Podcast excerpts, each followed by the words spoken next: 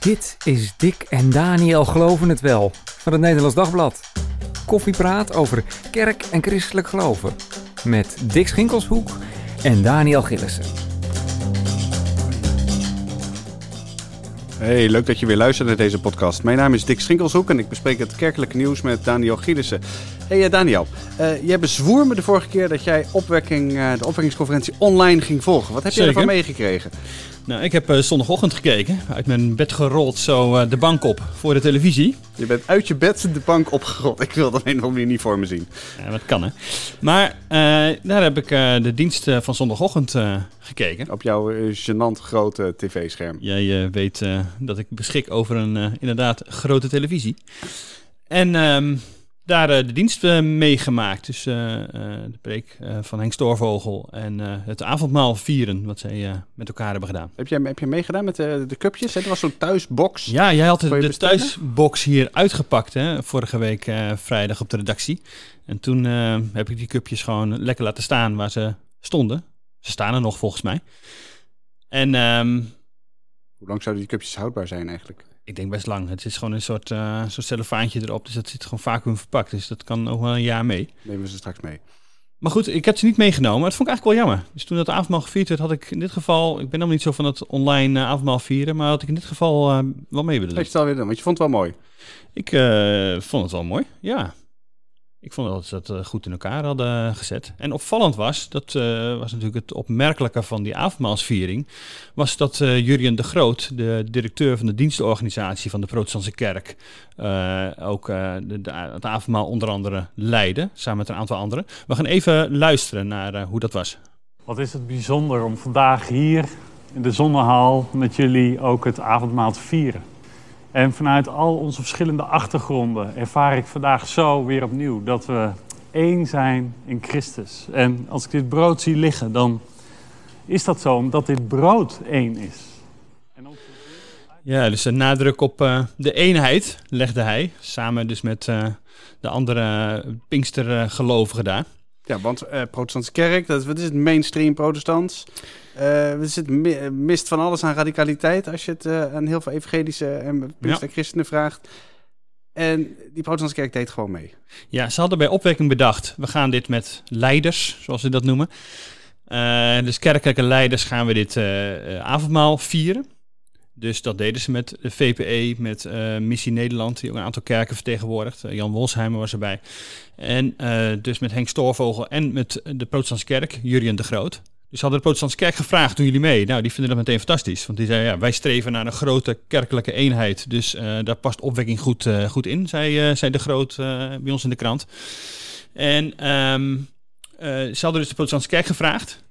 Het logische zou zijn dat de protestantse kerk natuurlijk gewoon een predikant had afgevaardigd. Een dominee. Ja, wat is het uh, René de Reuver of zo? Bijvoorbeeld. Is beetje ja, precies. Ja, en ze begonnen namelijk ook die zondag met een uitzending waar Ruben Vlag, de directeur van Opwekking, sprak met uh, René de Reuver. Dus dat hadden ze uh, al gehad. Maar ik denk dat de protestantse kerk, René de Reuver trad daar al op, zou ik maar zeggen. En uh, de synodevoorzitter Marco Batenburg had een, uh, had een, um, een uh, blijndensdienst in Gouda, zag ik op Twitter. Dus die zal om die reden er niet bij hebben kunnen zijn. Maar denk je dat ze dan gewoon, als dacht, alle, alle dominees hebben afgebeld, die riepen allemaal van, ja nee, nou, sorry, het is eerst Pinksterdag, ik moet gewoon voorgaan allemaal hoor. afgebeld, denk ik, denk ik niet. Maar ze zullen vast even in die top, zeg maar even zeggen, van de protestantse kerk nagedacht hebben van wie kunnen we hier het beste naartoe sturen.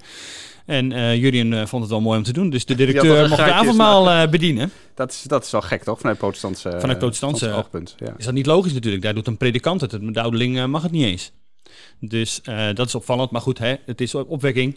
opwekking mag alles. Ja, ja precies. Ja. Dat, dat, maakt voor opwekking natuurlijk helemaal niet uit. Er staan meer mensen die, die volgens de protestantse regels het avondmaal niet zouden mogen bedienen. en dat maakt op dat moment niet uit. Hij vertegenwoordigt daar de protestantse kerk.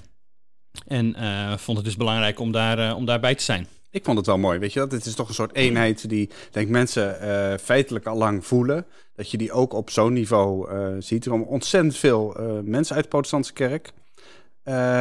Die gaan er al jaren naartoe. En dat dan ook iets van hun kerk daar, daarbij is. En misschien Ja. volgend jaar, weet je, smaakt het naar meer en zijn er nog veel meer kerken. Ja. ja, kijk, ze zeggen bij, bij opwekking van we weten nog niet of we dat heel erg gaan uitbreiden hè, op dit eh, vlak. Want ja, wij zijn niet voor die kerken eenheid, wij, hè, wij vieren ons festival.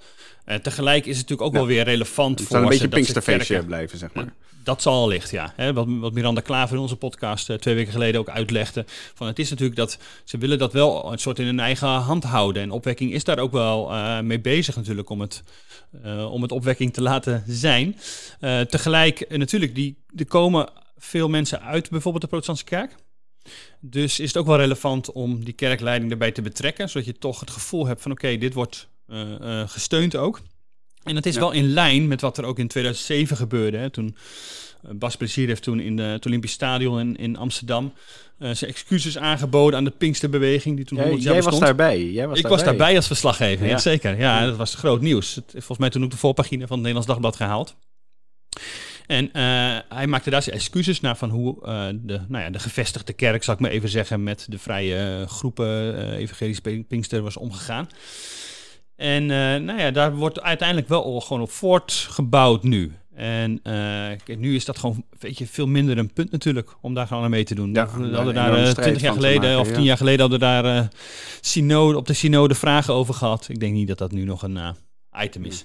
Weten we iets over cijfers? Bezoekcijfers? Kijkcijfers? Ja, die, eh, die zijn er, maar nog niet. Kijk, ze kunnen met dit soort dingen, is met, met eh en luistercijfers van de NPO en zo. eh, hoe hard kun je het allemaal precies zeggen wat het is? Dus, eh, zeker met livestreams is dat wat ingewikkeld. Eh, ze hebben de boel bij elkaar opgeteld eh, van de week. En hebben ergens het idee dat, er, dat ze boven de 200.000 kijkers eh, hebben gehad, alles eh, bij elkaar. Ze hebben natuurlijk ook op zondagochtend was er ook eh, uitzending eh, via NPO 2. Dus eh, was het ook eh, eh, op televisie gewoon Dus dat wordt meege- meegerekend. Dat, dat wordt ook wel veel. Ja, precies. Dus dat gaan ze ook bij tellen. Maar dat zou echt wel een groot bereik zijn. Hè? Want vorig jaar hebben ze ook online wat gedaan. Toen hebben ze naar verwachting zo ongeveer 100.000 mensen bereikt. Nu denken ze zeker eh 200 tot, tot 300.000. Dus dat zou een verdubbeling of verdriedubbeling zijn. Ehm, en ik, normaal komen daar nou ja, 65, 70.000 65.000, ja. eh, mensen over de vloer bij opwekking eh, als het in Biddinghuizen is. Dus eh, online heeft wel een groot bereik en ze willen daarom ook wel online verder.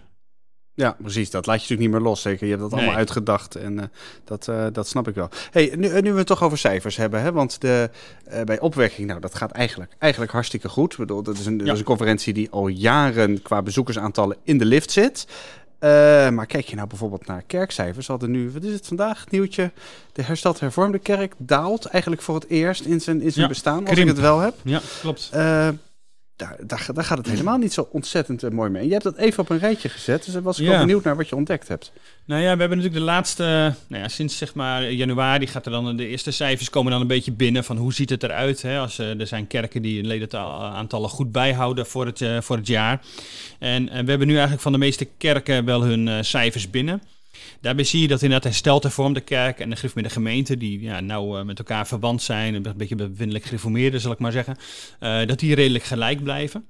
Dat geldt ook voor de, de Nederlands gereformeerde kerk, dus de, eh, ooit bij de, bij de afsplitsing van de vrijgemaakte. Nou, een heel klein orthodox Ja, gereformeerd is een goede 30.000 zeg ja, maar. Ja. Ehm eh, want kijk, herstelde vorm. De kerk zit op een, zit ongeveer 60.000. Eh, de, de gemeente is bijna twee keer zo groot, met een kleine 110.000 leden.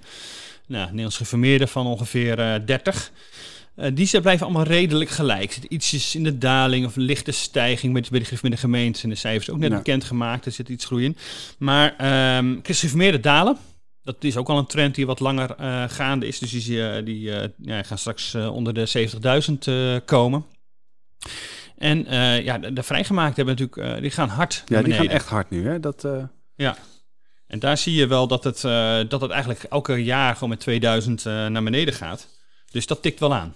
die gaan op een gegeven moment eh, passeren die de, de gif met de gemeente. Dat is dan de eerstvolgende, denk ik. Hè? Die Ja. hebben er 110 en zij, ze- de Ja, vrijgemaakt zit 112. op, op 112. Ja, ja. waren, kwamen een beetje van 120 vandaan, zeg maar. Dus straks zit- zijn ze niet langer het, het tweede protestantse kerkgenootschap van het land, maar het derde. En dus de gif met de gemeente het tweede het Tweede Protestantse Kerkgenootschap. Dat, zijn wel, dat zijn wel momenten om even te markeren. Ja, precies. Dat is natuurlijk echt wel een opvallende ontwikkeling. En eh, je ziet ook dat uh, vrijgemaakten... Um, uh, die hebben nog wel last van leeglopen, een beetje ook aan die, aan die rechterkant. Voor deel, als mensen dus naar een andere kerk gaan, ja. dan zijn het ook wel, nou ja, zeg maar even bezwaarden die zeggen van dit is eigenlijk niet meer de kerk waar ik, uh, waar ik bij wil horen. Ja, want dat hadden we een tijdje geleden over die conservatieve uh, wat is het, die conservatieve vrijgemaakt, zeg maar, die zich tegen de, de vrouw in het ambt keren. Hè? De uh, vrouw mm die nu, wat is het, ambtsdager kunnen worden, zelfs, uh, zelfs predikant. Ja. Dus voor het protestantse gevoel toch nog wel weer net een stapje verder. Die dan heel vaak lid worden van de, van de Gif de Bond. Mm -hmm. op een of andere manier is dat natuurlijk, is het kerkelijk gezien wel een beetje, een beetje ironisch, vind ik dat zelf. Ja. Want ja, uh, weet je, die, de, de de Bond heeft er altijd voor gekozen om binnen die grote protestantse ja. volkskerk te blijven. Dat de was voor die vrijgemaakte helemaal niks, hè? Precies. Die vonden nee, dat, niks. Nee, die vonden dat half. Dat was Ja. niet, niet, niet, niet consequent. Dat Nee. was niet...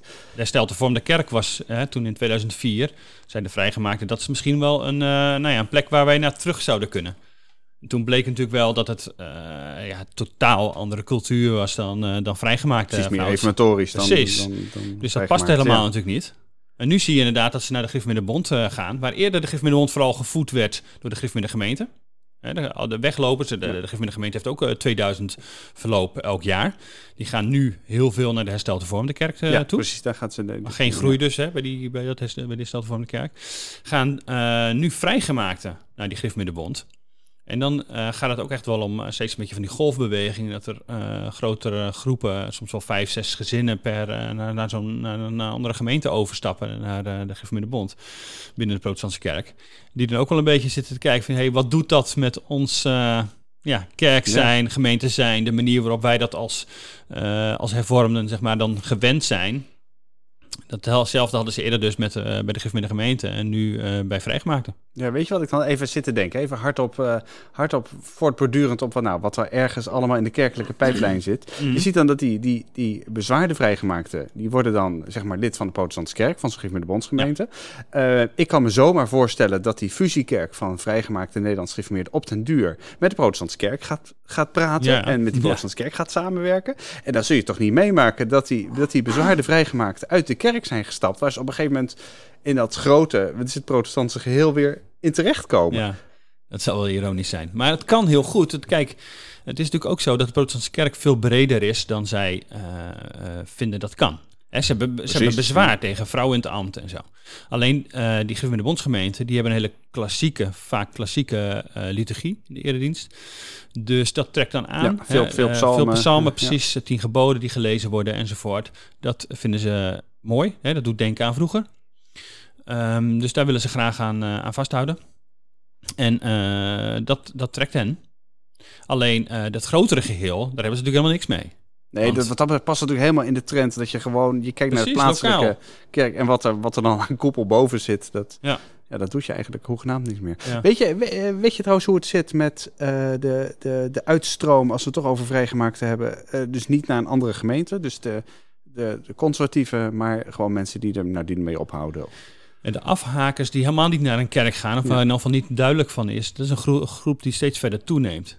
Dat zie je ook bij, eh, bij andere kerken. Hè, dat, eh, dat het niet de overstap is van de ene naar de andere kerk. Ja, dus bij vrijgemaakte zo, dat is eigenlijk Dat is overal, overal de zo. grootste groep. Ja, en je ziet, eh, kijk, de, de, de, de- van de week verliet nog een, een prominent, zou ik maar even zeggen, de, de Gif met de Kerken vrijgemaakt. eh, hoogleraar, eh, emeritus hoogleraar Frank van der Pol. Die gaat naar zo'n afsplitsing, zo'n klein Ja. clubje, zal ik maar even zeggen. Zie, van, die hebben we eh, dan ook nog. We Ja. hebben twee kleine eh, afsplitsingen van de vrijgemaakte. eh, die nu trouwens weer proberen samen te komen. Dus het is ook alweer grappige ontwikkeling. Maar die is daar naartoe gegaan. Eh, je ziet voor de rest natuurlijk dat er gewoon veel mensen überhaupt afhaken. En de protestantse kerk heeft la- ook dit jaar becijferd dat eh, de groep afhakers, die dus niet meer naar de kerk gaan, zich echt uit laten schrijven, groter is dan het aantal mensen dat door overlijden, eh, dat ze verliezen door overlijden. Want eerder werd vaak gedacht bij de protestantse kerk, Precies, ja. die dat- gaan allemaal, die ik ook, overlijden, ja. hè, vergrijsd, dus groot... ehm, Zo van de kerkverlating, dat was allemaal jaren 80 Ja. en zo, dat hebben we wel gehad, jaren 90. En nu is het vooral de, de vergrijzing, maar dat is dus helemaal niet waar. Dat is dus niet waar. Eh 60% eh, eh, eh, laat zich uitschrijven. En 40% uh, komt door overlijden van degene dus die vertrekken, zal ik maar even Ja, zeggen. dat is bij de protestantse kerk Bij de protestantse kerk zo. Eh, en bij vrijgemaakte eh, zie je ook gewoon dat de groep bij, eh, die, die dus niet meer naar de kerk gaat, eh, toeneemt. Ja. Dus die, als je naar eh, die uitstroom eh, kijkt, dan eh, is, ehm, is die, die, die tendens gewoon eh, eh, ja, groeiende. Met, eh, het wordt groter. Ja, ik wil op geen enkele manier de, de kaalslag relativeren die daar gaande is. Hè, in de, in de Mm. grote Nederlandse kerken, die nu misschien ook wel zich gaat voltrekken in de, in de kleinere eh gereformeerde kerken. Maar aan de andere kant, ik moet dan ook wel vaak aan, eh, aan andere verenigingen denken. Hè? Ik bedoel, neem de, de, de vakbond, eh, lidmaatschap van een omroep, een politieke partij. Je zit ook al in de dalende trend. Ja, meestal. dat is ook, ook dramatisch. En ik denk dat, dat kerken zich ook wel heel erg hebben vormgegeven als verenigingen, hè, waar je naartoe gaat, waar, Mm. je, waar je iets gaat bijdragen. En eh, ja, weet je, de, de voetbalclub, daar, Ja. daar gaat het op zich nog wel prima. Daar, daar komen mensen op de voetballen. Maar ook daar hoor je natuurlijk al de klacht dat niemand meer in de kantine wil staan. Ze willen eh, niet meer meedoen, alleen op het veld, maar niet in de vrijwilligerssfeer. Precies, en misschien is dat met geloof, denk ik, steeds vaker ook wel gewoon ontzettend zo. Dus vaak het idee van hè, eh, secularisatie, mensen, Mhm. mensen geloven niet meer. Eh, wat ik om me heen eerder hoor, zeker, zeker de laatste jaren, is dat eh, eh, je hebt het over in- individualisering van geloof. Ja. Hè, dus de terugloop van wat wetenschappers organized religion eh, noemen. Hè? Van waarom heb ik nou een club van andere mensen nodig om, Om te, te kunnen geloven. Ja, kan ik toch ook prima. eh, en, en waarom kan ik dat ook niet thuis doen? Waarom moet ik daarvoor ergens naartoe? Mijn bankzaken die regel ik ook niet meer in een bankfiliaal. En ik kan via internet kan ik shoppen. kan ik allemaal vanaf de bank doen. Waarom kan ik geloven ook niet gewoon op de bank eh, doen? En ik denk wat dat betreft dat de coronacrisis een enorme aanjager kan zijn van precies Ja. dit. eh, dat, eh, dat op de bank je geloof beleven. En dan ga je één keer per jaar ga je bijvoorbeeld eens naar opwekking of zo. Weet je, maar dat. eh, Precies, of maar met kerst naar de ja. kerk, omdat je het wel eh, wil eh, beleven en daar eens wil zijn. Maar voor de rest doe je het in je eigen privé-omgeving. Ja, precies. En weet je, ik geloof zelf helemaal niet hè, dat Nederlanders per se ontzettend veel minder gelovig zijn geworden dan, dan 100 jaar geleden bijvoorbeeld. Ik denk dat ze minder christelijk zijn geworden, zich wat minder laat door een instituut als kerk laten gezeggen. Dat ook wel dat geloof wat minder in een georganiseerd verband beleven. En de, eh, maar verder, eh, of ze echt mensen echt minder gelovig zijn dan vroeger, ik moet eerlijk zeggen, ik, eh, ik twijfel eraan. Minder georganiseerd, maar net zo gelovig. Ja, eh, minder, minder christelijk dus ook. Want vervolgens ga je, ga je, kun je werkelijk alles geloven. Van dat de aarde plat is tot complottheorieën, vage New Age-achtige dingen. Volgens mij kun je dat, zet dat allemaal in diezelfde, diezelfde de, weet je, allerlei spiri- spiritualiteit en zo. Maar het geloof is niet weg, maar voor de kerken is het, is wel dramatisch, denk ik. Ja. Ja. En daarom, bruggetje naar eh, het andere onderwerp, is misschien wel kerkhervorming nodig. Ja. En in elk geval, de Rooms-Katholieke Kerk eh, gaat daar werk van maken. We hadden het eh, op de voorpagina afgelopen zaterdag. Dat Paus Franciscus maakt een, een verrassende, zet een verrassende stap als het gaat om voorgenomen kerkhervorming van de Rooms-Katholieke Kerk. Eh, de paus wil daar een eh, flinke slinger aan geven. De gewone gelovigen mogen meepraten. En dat Ja, is eh, ja. bijzonder, want de Rooms-Katholieke Kerk wordt natuurlijk vanaf bovenaf hè, aangestuurd door eh, de paus en eh, de bisschoppen. Ja, ik zou zeggen, als je als gelovige, gewone gelovige wil meepraten, moet je protestant worden. Dat klopt, ja. Maar die hervorming hebben ze volgens mij niet op het oog. Eh, maar de leken mogen mee gaan praten. En we gaan daarover eh, verder spreken met Vaticaan-watcher Hendro Munsterman. Welkom, Hendro. Ja, hallo, hier ben ik. Ja, eh, Hendro, eh, jij bent net in, eh, in Rome geweest. Je bent net weer terug. Hoe ging dat, hoe ging dat eigenlijk in deze, deze rare coronatijd naar Rome reizen? Ja, het, wa- het was wel weer bijzonder om even in Rome te zijn. Ik, heb, ik was er een tijdje natuurlijk niet geweest vanwege al die coronatoestanden. Ja. En Rome opent zich weer. Hè. Dus ik, ik, ik ben met de trein gereisd. Dat is een heel gedoe natuurlijk met allerlei testen die je moet overleggen en heen en weer en zo. Maar, maar het, is, eh, het was wel heerlijk om te zijn. Het was prachtig weer weer. En de stad is heerlijk leeg. Dus je, je hebt niet al die miljoenen toeristen en die duizenden mensen die door die straten lopen. Die was Rome voor Eh, jou Het was gewoon. gewoon een... Ja, ja, nee, dat is heerlijk. Dus ik ga, ik ga binnenkort weer. Ehm, ehm, nee, dat, dat is erg goed. En ik heb ook heel hard gewerkt voor de krant. Eh, dat hebben de lezers al een beetje kunnen merken. En dat gaan ze de komende dagen nog meer merken. Ja. Ehm, eh, want er zijn natuurlijk hele mooie, prachtige en, en interessante verhalen te vertellen uit de eeuwige stad, zoals we dat dan noemen. Ja. Ja, want eh, jij bent ook bij kardinaal Pel eh, thuis geweest. Hè? Even voor de context, die, die kardinaal die in Australië in de gevangenis heeft gezeten omdat hij, eh, eh, wat is het op verdenking van, eh, nee niet op verdenking, hij was schuldig bevonden aan, aan misbruik. dat is hij nu niet meer. En jij was bij hem thuis in, in Rome. Hoe, hoe was ja, dat? dat was toch wel bijzonder hoor. Ja, dat was toch wel bijzonder. Kardinaal Pell is echt iemand hoor. Dat was dus echt de derde man van het Vaticaan. Echt enkele jaren lang. Hij, hij moest de financiële hervormingen doorvoeren. Uh, ging heel voortvarend te werk. Uh, zat hoog in de boom. Echt ontzettend hoog in de boom. Werd beschuldigd van seksueel misbruik. Is twee keer veroordeeld door een jury. Um, zoals het in Australië gaat in het rechtssysteem. En uiteindelijk zijn die, zijn die uitspraken door de Hoge Raad unaniem van tafel geveegd.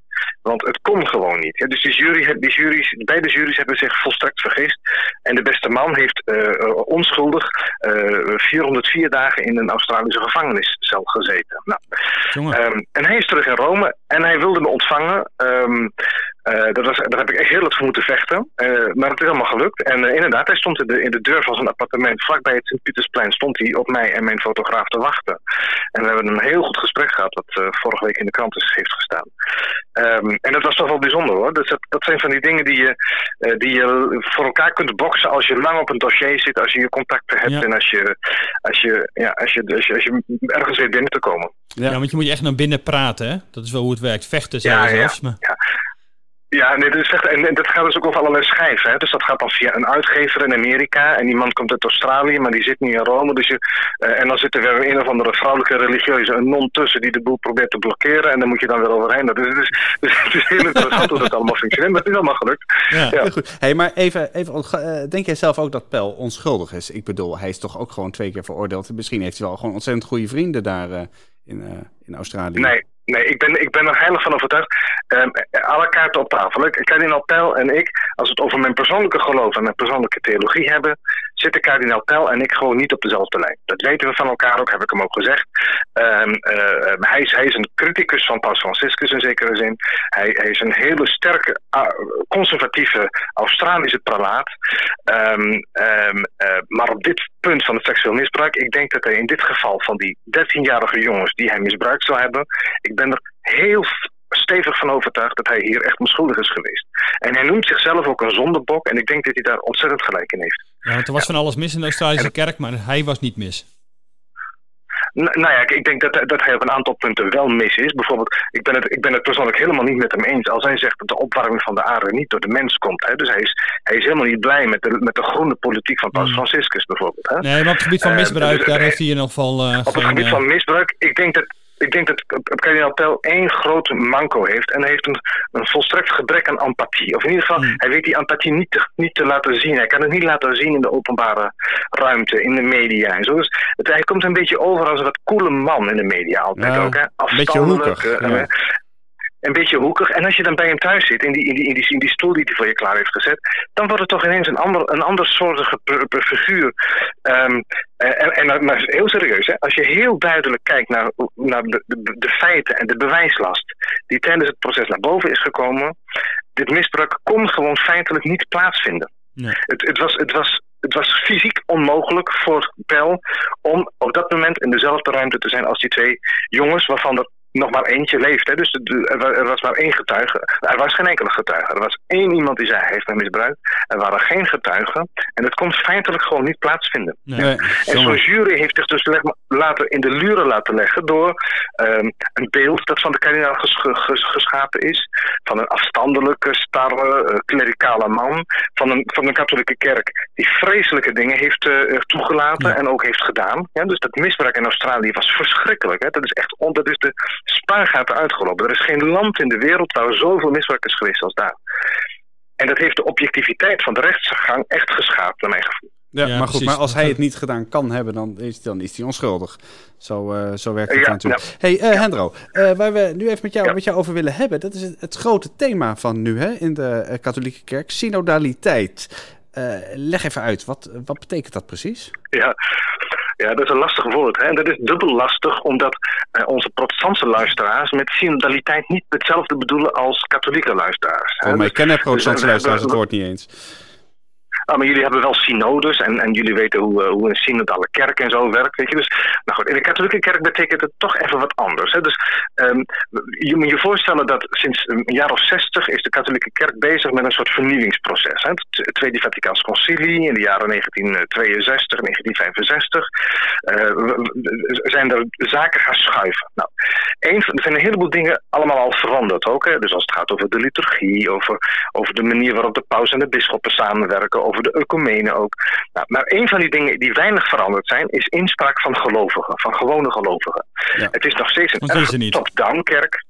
Die is er niet of nauwelijks. Ja? ja. Uh, uh, en, en als hier is, dan, is het, dan wordt het gegund omdat je toevallig een leuke pastoor hebt of een leuke bisschop. Ja. Maar het wordt veel te weinig georganiseerd. Ja? En het is nog heel erg top-down en, en, en het, ook heel veel achterkamertjespolitiek. Hè? Dus hoe komt een bischopsbenoeming tot stand? Hoe, komt jou, hoe krijg je als parochie een nieuwe pastoor? Daar hebben gelovigen helemaal niets over te vertellen. Nee, je krijgt gewoon toegewezen en that's it. Ja. ja. Punt. En, dan, en, dan, en dan, dan moet je maar hopen dat de Heilige Geest zijn werk goed gedaan heeft. Um, ja, nou, die, die, cultuur, die hele klerikale cultuur, die in andere werelddelen nog veel sterker is dan in ons werelddeel. In Europa zijn we langzaamaan toch ook gewend geraakt aan, aan, aan leken die meewerken, bijvoorbeeld als pastoraalwerkers of in een bepaalde functie in het bisdom en zo. Nou, bij ons is, zijn we al een paar stappen vooruit dan als je bijvoorbeeld kijkt in Azië. Ja, of als je kijkt in Afrika of in, in, in, in andere werelddelen.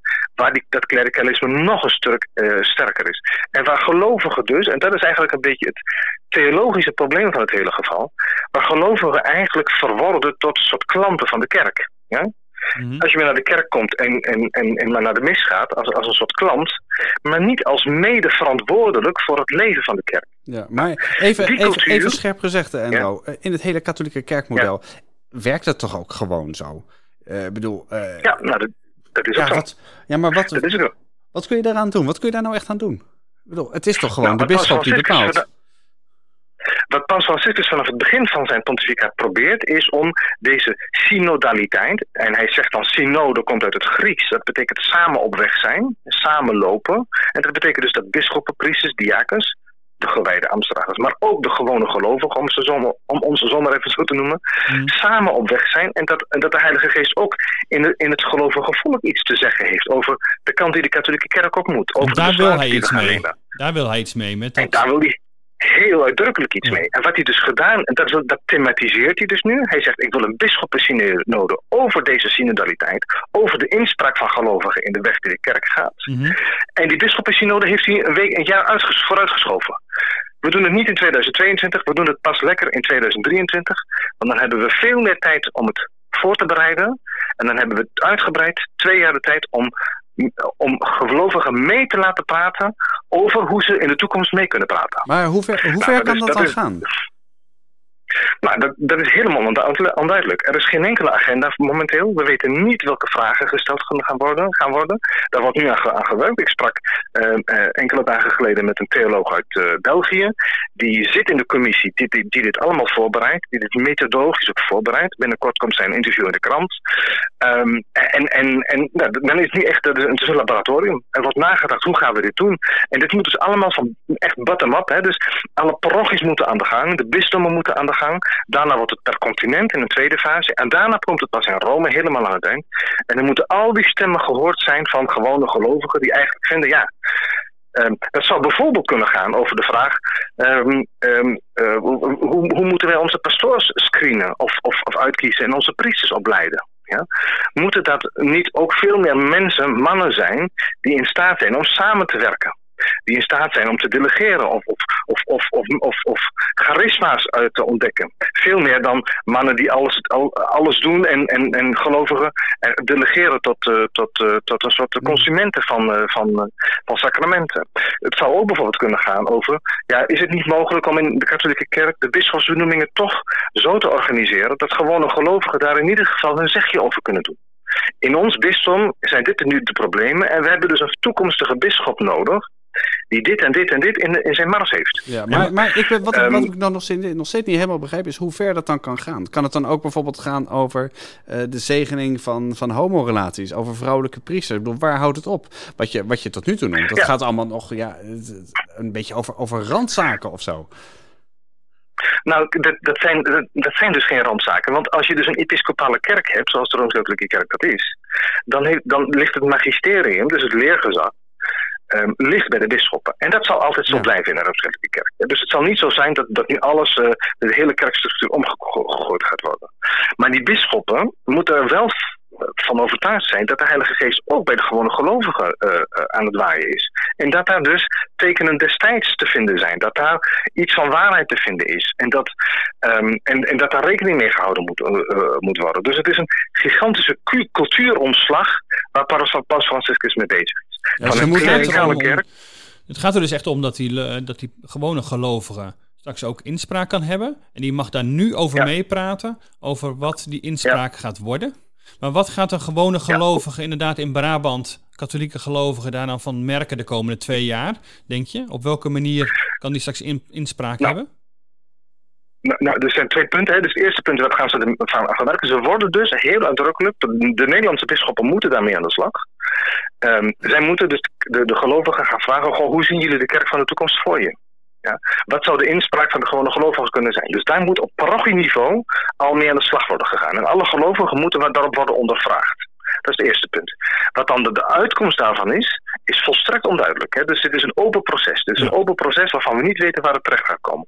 Maar het zou bijvoorbeeld kunnen gaan over, ja, zouden we niet eh, eh, ook zeg maar eh, gelovigen mee kunnen laten praten over het pastorale beleid? Ja? Een klein voorbeeld. Ik heb, ik heb een tijd in Zwitserland gewerkt. Ik heb drie jaar in Zwitserland gewerkt, in Duitsstalig Zwitserland. Nou, die katholieke kerk daar is erg beïnvloed door de protestantse eh, traditie. Daar werd gewoon elk jaar moesten wij als pastores, de pastoor en ik als pastoraal werker en nog een collega pastoraal werker, moesten we ons beleid verdedigen tegenover de verzameling van de gelovigen. En daar werd over maar. gestemd. En volgend jaar willen we meer dit doen en volgend jaar willen we meer dat doen. Klinkt ben je heel? Inspraak van die gelovigen. heel protestants. Dat is, dat is in zekere zin heel protestants. Nou, de vraag is of het ook niet tegelijkertijd heel katholiek zou kunnen zijn. En die kant, die kant wil Paus Franciscus echt heel duidelijk op. En we weten ook meteen dus dat eh, Franciscus nog wel even blijft. Want die zal dit proces willen afmaken. Ja, dat is, ja, we hadden allemaal de gedachte, eh, jongens, hij gaat er snel mee ophouden. En hij heeft er gewoon weer hartstikke zin in. Je ziet het aan alles. Je ziet het aan zijn reisplannen. Je ziet het aan zijn, eh, zijn manier waarop hij de zaken nu aanpakt. Aan, aan de, wijze die, waarop hij nu zeg maar, die, die, dat hele proces van, het, van de synodaliteit in gang zet. Ehm, je weet het nooit met hem. Hè? Het zou zomaar kunnen zeggen dat hij halverwege zegt: nee jongens, de boel staat goed op de rails. Laat iemand anders het maar overnemen. En dan blijft eh, zoals Andrea Vrede, de NOS-correspondent, en ik in de krant al meerdere keren hebben gezegd, dan blijft kardinaal Tegle nog steeds de topfavoriet om hem te gaan opvolgen. Want Tegle ziet juist, is specialist van deze ecclesiologie, van deze kerkleer, die waar synodaliteit een hele belangrijke rol speelt. Ja. Dus het kan zomaar zijn dat hij zegt, laat Tegle het maar overnemen. Dan moet er natuurlijk wel een conclaaf zijn die hem daarin volgt. Maar ik zie hem voorlopig nog wel eventjes eh, op de stoel zitten en, eh, en, de, boel, eh, en de boel die, kant op, die kant op leiden. Nou, we gaan dat... echt- collega's van mij, collega's van mij in Rome, waar ik mee sprak, eh, die zeggen tegen mij: dit is bijna een derde Vaticaans concilie.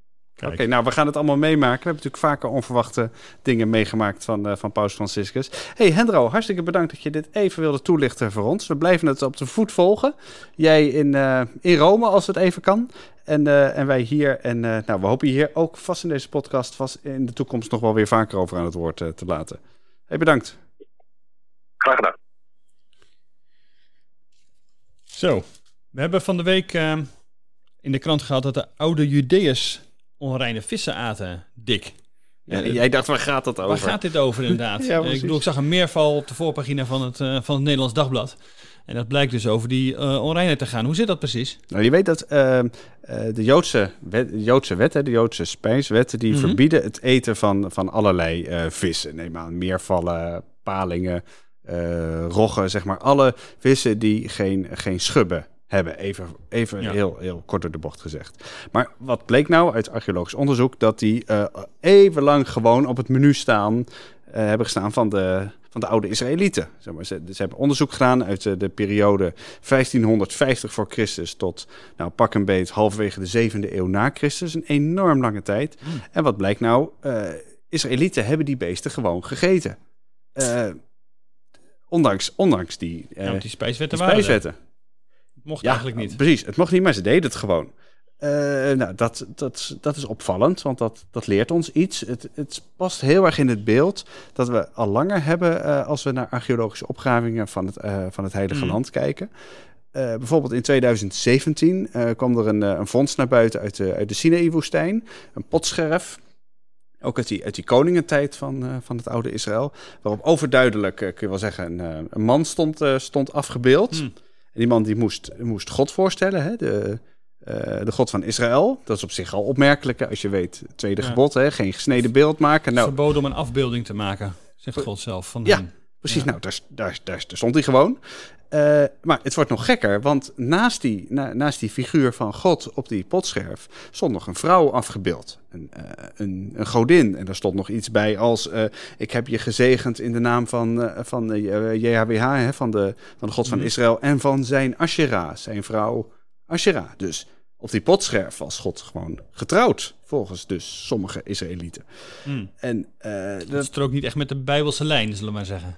Nee, maar daaruit blijkt dus weer dat de Israëlieten in bijbelse tijden dus veel minder monotheïstisch waren. Zeg maar, zich veel minder hielden aan de inzettingen van, van Mozes, aan die spijswet en al die regels en zo dan wij geneigd zijn te, te denken. We hebben er vaak een beeld van. Heel gehoorzaam volk is. Nee, gehoor- nou ja. ook uit de Bijbel wel dat het niet zo is natuurlijk. Nee, hè? precies, precies. Eh, dat blijkt in de Bijbel zelf ook al. Al die Ja. profeten waren natuurlijk ook niet nodig geweest. eh, Ja. En met hun voortdurende klacht dat het volk zich niet aan alle wetten en inzettingen van, van Mozes houdt, andere, andere goden dient naast het is- God. Eh, dus nog, het is echt van alle dingen. tijden dat we Gods geboden niet eh, zo netjes volgen.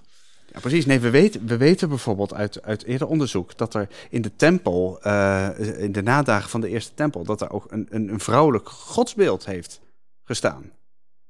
Eh, en nu kun je natuurlijk zeggen, oh, wat, wat, wat raar, klopt de Bijbel dan niet? Nou, volgens mij hadden die profeten in de Bijbel het ontzettend goed in de gaten wat er allemaal, nou, wat er misging, zeg maar. En eh, dat eigenlijk pas na de ballingschap er een heel echt vast omlijnd Joodse identiteit komt met een vast omlijnd eh, set van regels en dit, dit geloven wij. En dat gaan we ook voortaan zo met z'n allen doen. En dan is het niet meer iets van een soort van een elite van, van priesters en, en profeten Hm. die zich daaraan houden, maar dan gaat het echt naar het, he- naar het hele volk eh, door. Dus die ontwikkeling wordt veel zichtbaarder. Die zie je dan eigenlijk gebeuren doordat je die opgravingen hebt. Zie je die lijnen. De wet wordt gegeven, maar tegelijk gaat het nog, het volk doet het nog op een andere manier. En zo gaat het langzamerhand toe naar inderdaad het wel omlijnde. Ja, ik denk dat het volk er ontzettend aan moest wennen. Dat nou bijvoorbeeld alleen al dienen van één God, dat moet zo raar en dwars zijn geweest. eh. dat kunnen we ons nauwelijks voorstellen, die, eh, die, grote, die grote stap. Ja, hey, dit, eh, dit was het weer. we zijn er doorheen. Ja, ontzettend leuk dat je geluisterd hebt. Volgende week vrijdag komen we niet met een podcast. De volgende is pas op 11 juni. eh, die komt dan online. Daarin gaan we het trouwens hebben over eh, seksisme waarmee vrouwen te maken krijgen in de kerk. Aline Boele heeft onderzoek gedaan onder vrouwelijke predikanten en voorgangers.